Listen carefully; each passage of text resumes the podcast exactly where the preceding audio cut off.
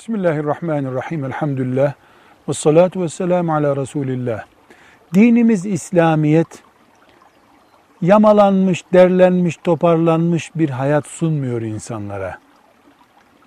İnsanların yaşamazlığını, yaşamalarını istediği hayatı bizzat her yönüyle gece gündüz, şehir, köy, her yerde, her zaman İslam kendisi kuruyor. Aile hayatını da İslam kendi sisteminden, Kur'an'dan, Peygamber aleyhisselamdan alıp kuruyor. Ticareti de, siyaseti de. Öyle siyaseti filan yerden, ticareti filan yerden, aile düzeni de filan sistemden alınmış bir din değil dinimiz. Bu kuralı ailenin içindeki bir soruna uyarlamak istiyoruz. Bizim örfümüz, geleneğimiz, Anadolu erkeği olarak yaşam tarzımız, kendimize uygun gördüğümüz anlayışımız bir kenara, dinimizin hayat budur diye önümüze koyduğu anlayış bir kenara. İslam dininin Kur'an ve sünnetten yola çıkarak emretmiş olduğu nikah ve aile düzeni kadının evinin kadın için özel olması üzerine kuruludur. Bu şu demek. Kadın başka kimsenin bulunmayacağı sadece kocasının ve sadece doğurduğu çocukların bulunacağı bir ev isterim deme hakkına sahiptir. Bu sadece kocam ve ben sözü isyan değildir.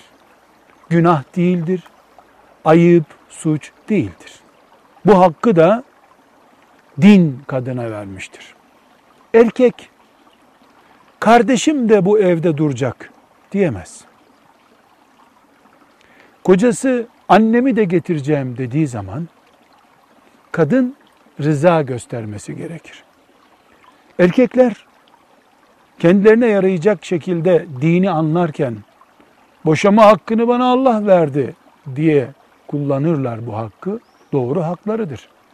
Annene ev tut orada bak anneni deme hakkını da kadına Allah'ın verdiğini, şeriatın verdiğini unutmak isterler. Şüphesiz kocasının annesine düşmanlık yapan bir kadınla o koca ne kadar mutlu bir hayat yaşar. Bunu der mi bir kadın? Ayrı bir konu. Ama iş kanuna dökülecekse kanun bu. Nikahla beraber erkek kadına müstakil kalacağı bir ev bulmak zorundadır. Erkek kardeşi işte filan yerde imtihana girecek, üç ay bizde kalması lazım diye kadının yanına getirip misafir konamaz. Misafir bir gün olur. O bir günde de kocası onun yanında durduğu zaman. Eğer bir evin kapısı kapandığında müstakil yatak odası, müstakil banyosu, müstakil tuvaleti varsa ona ev diyoruz. İkinci bir kişi geldiğinde kadın çekinmeden, iç çamaşırlarını toparlamadan banyosunu, tuvaleti, yatak odasını kullanamıyorsa evde ikinci kişi var. Kadın rahat değil diyoruz. Bir evde perdeleri kapatıldığında kadın tesettüre ihtiyacı hissetmeden dolaşabilmelidir ki o ev kadına teslim edilmiş densin. Nikah akdinin gereği olarak. Misafirdi, yanında anne kalacak, baba kalacak, dede kalacak. Rıza ile 50 kişi de kalır. Muhabbet bunu gerektiriyor olur. İş tartışmaya döküldüğünde kadın bu hakkını kullansa günaha girmiş olmaz. E kaynanaya bakmak sevaptır. Elbette sevaptır. Kaynata çok yaşlı, 3 ay romatizması için burada hastanede kalacak bakıver. Sevaptır elbette.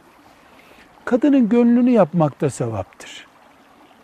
Becersin, kaynata madem yaşlıdır, onca tecrübesiyle genç gelininin gönlünü alsın. İki dua ediversin. Canım yavrum çok hizmet ettin, zahmet ettin deyiversin. cariye gibi kullanılan bir gelin ben cariye değilim dediği zaman günaha girmiş olmaz. Faziletten kaybetmiş olur, ecirden kaybetmiş olur. Bu onun meselesidir. Kadınlar Allah'ın dininde kendilerinden başkasının rahat dolaşamayacakları bir evin sahibi olmaya hak sahibidirler. Bu örf mörf gereği değildir. Nikahın gereğidir. Bunu kadınlar suistimal edip kaynanalarına zulmediyorlarmış. Kaynatalarına zulmediyorlarmış. Yeri gelip nikahlı kocalarına bile dolaşma kapasitesinde sınır getiriyorlarmış. Şu bölgeye girilmez, burası kırmızı çizgili, halıya basma diyorlarmış. O kadının karakteriyle ilgili. İnsanlığıyla ilgili. Ama nikah akdinin gereği anahtarı kadında olan bir evi ona teslim etmektir. Tapusunu değil, anahtarını. Kira ile de olur, tapu ile de olur. Mühim olan kadının banyodan yatak odasına giderken, yatak odasından mutfağa geçerken kendisini toparlanma zorunda hissetmeyeceği rahat bir ortamda bulmasıdır. والحمد لله رب العالمين.